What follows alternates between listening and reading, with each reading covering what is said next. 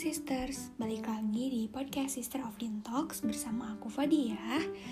Jadi di podcast kali ini kita akan bahas tentang aku, tentang kamu, atau mungkin tentang kita. Nah kan pernah denger gak sih belakangan ini muncul istilah baru di sosial media?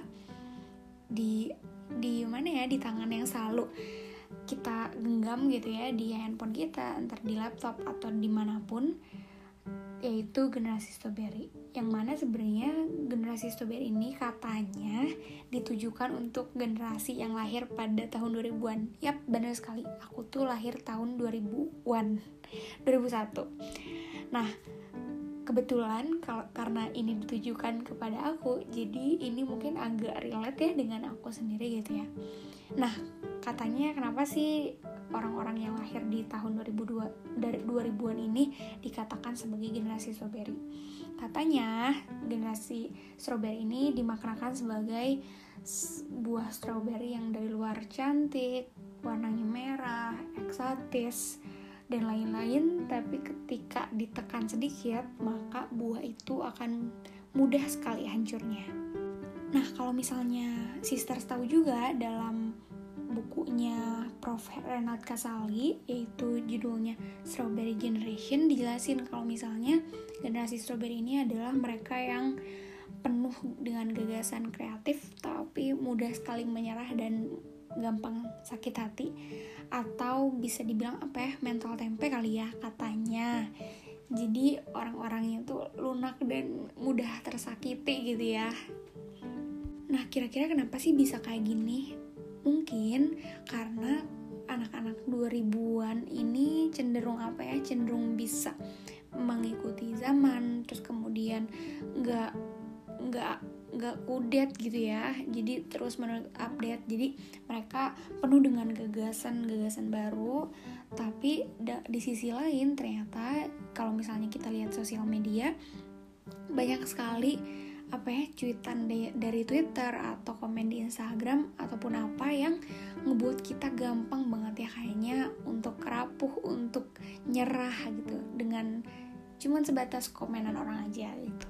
Nah, apalagi kalau misalnya sister tahu sosial media ini ternyata punya seperti dua mata pisau karena dia tuh memiliki apa ya andil yang sangat besar informasi yang banyak kemudian percepatan arus informasi dan lain-lain. Tapi di dalamnya juga kadang banyak sekali berita-berita yang kayaknya gak terlalu pas gitu ya untuk kita. Kayak misalnya hal-hal yang uh, apa ya insecure yang bikin kita overthinking terus kemudian penyakit penyakit mental health yang self diagnose dan dan dan lain-lain itu kayaknya jadi apa ya pas kata yang kita sering lihat tapi kayaknya kita nggak terlalu butuh gitu. Dan bahkan sebenarnya kita tidak ada di fase itu sebetulnya. Cuman apa yang ditambahkan di sosial media itu seperti mengarahkan kita untuk melakukan dan merasakan hal yang sama gitu dengan yang ada di sosial media.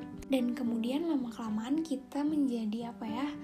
Tanpa disadari kita tiba-tiba menjadi sosok yang lemah, kemudian ide-ide dan gagasan kreatif tadi tuh terkubur gitu ya e, terkalahkan oleh isu-isu yang kayaknya sebenarnya kita nggak rasain tapi di sosial media tuh timbul dan sangat menjamur gitu Kemudian belum lagi kalau misalnya kita berusaha memberikan gagasan yang kita punya di sosial media banyak sekali gitu kayaknya orang-orang yang gak sepakat terus kemudian bahkan menjatuhkan. Dan itu menjadi sebuah ujian bagi diri kita untuk ngecek nih apakah kita tuh uh, seberapa kuat mental kita seberapa kuat kita menghadapi ujian yang ada gitu sampai pada akhirnya kita menjadi menyalahkan diri kita sendiri atau bahkan menyalahkan Allah gitu ya atas apa-apa yang hadir di dalam hidup kita yang ada di depan kita. Kayaknya ini di luar kesanggupan kita ini di luar dari apa-apa yang kita bisa kontrol gitu ya. Padahal kata Allah sih uh, Allah tidak akan menguji hambanya di luar kesanggupannya gitu ya. Jadi pasti kita tuh sanggup Cuman mungkin dengan adanya sosial media dan standar yang terus dibentuk di luaran sana, ngebuat kita jadi merasa tidak ada apa-apanya dan tidak setangguh dulu atau tidak setangguh orang-orang sebelum kita. Kemudian kita menjadi lupa kalau misalnya kita pernah apa ya pernah jauh lebih kuat, jauh lebih sanggup daripada sebelumnya dan karena itu kita tuh apa ya dikonstruksikan oleh sosial menjadi sesuatu seseorang sekelompok yang lemah. Kita lupa kalau misalnya kita tuh potensi yang sangat besar kemampuan yang sangat kuat dalam menghadapi apa-apa yang hadir dalam hidup kita gitu. Meskipun ini tuh tidak terlepas dari kekuasaan Allah maksudnya ya. Itu mah sudah pasti maksudnya. Nah jadi kalau misalnya kita mendapatkan ujian gitu ya. Kalau menurut aku pribadi jangan mengecilkan diri kita karena itu tuh sama saja seperti mengecilkan Allah gak sih? Karena kan sejatinya apa-apa yang ada dalam hidup kita apa-apa yang kita kerjakan apa-apa yang kita lakukan itu kan atas dasar kuasanya Allah ya. Jadi semua hal yang terjadi dalam hidup kita apa pun yang dikonstruksikan di media sosial atau di luar sana itu tuh ya akan apa ya ya sesuai aja dengan kuasaannya Allah dan dengan tanpa mengecilkan diri kita dan tidak mengecilkan mengecilkan Allah maka kita juga akan berusaha gitu ya untuk mengusahakan potensi-potensi yang kita punya untuk mengatasi dan jauh lebih tangguh lagi. Maka dengan istilah generasi strawberry dan lain-lain lah ya atau mental tempe ataupun yang lain-lain suatu pembelajaran untuk diri kita untuk mencari apa ya solusi yang jauh lebih besar maknanya dan memiliki mindset yang lebih kuat.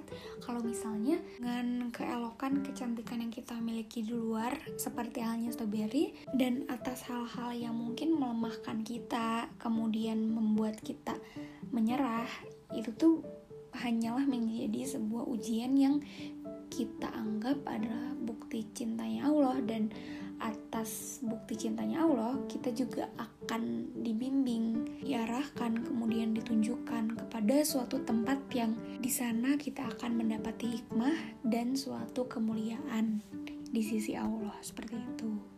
Nah, sister, semoga ke depannya kita bisa lebih peka gitu ya atas apa-apa yang sudah Allah tetapkan atas diri kita dan kira-kira apa ya yang sedang Allah rencanakan gitu ya bagi diri kita. Nah, aku cukupkan podcast kali ini dan sampai bertemu di Sister of Din selanjutnya. Wassalamualaikum sisters.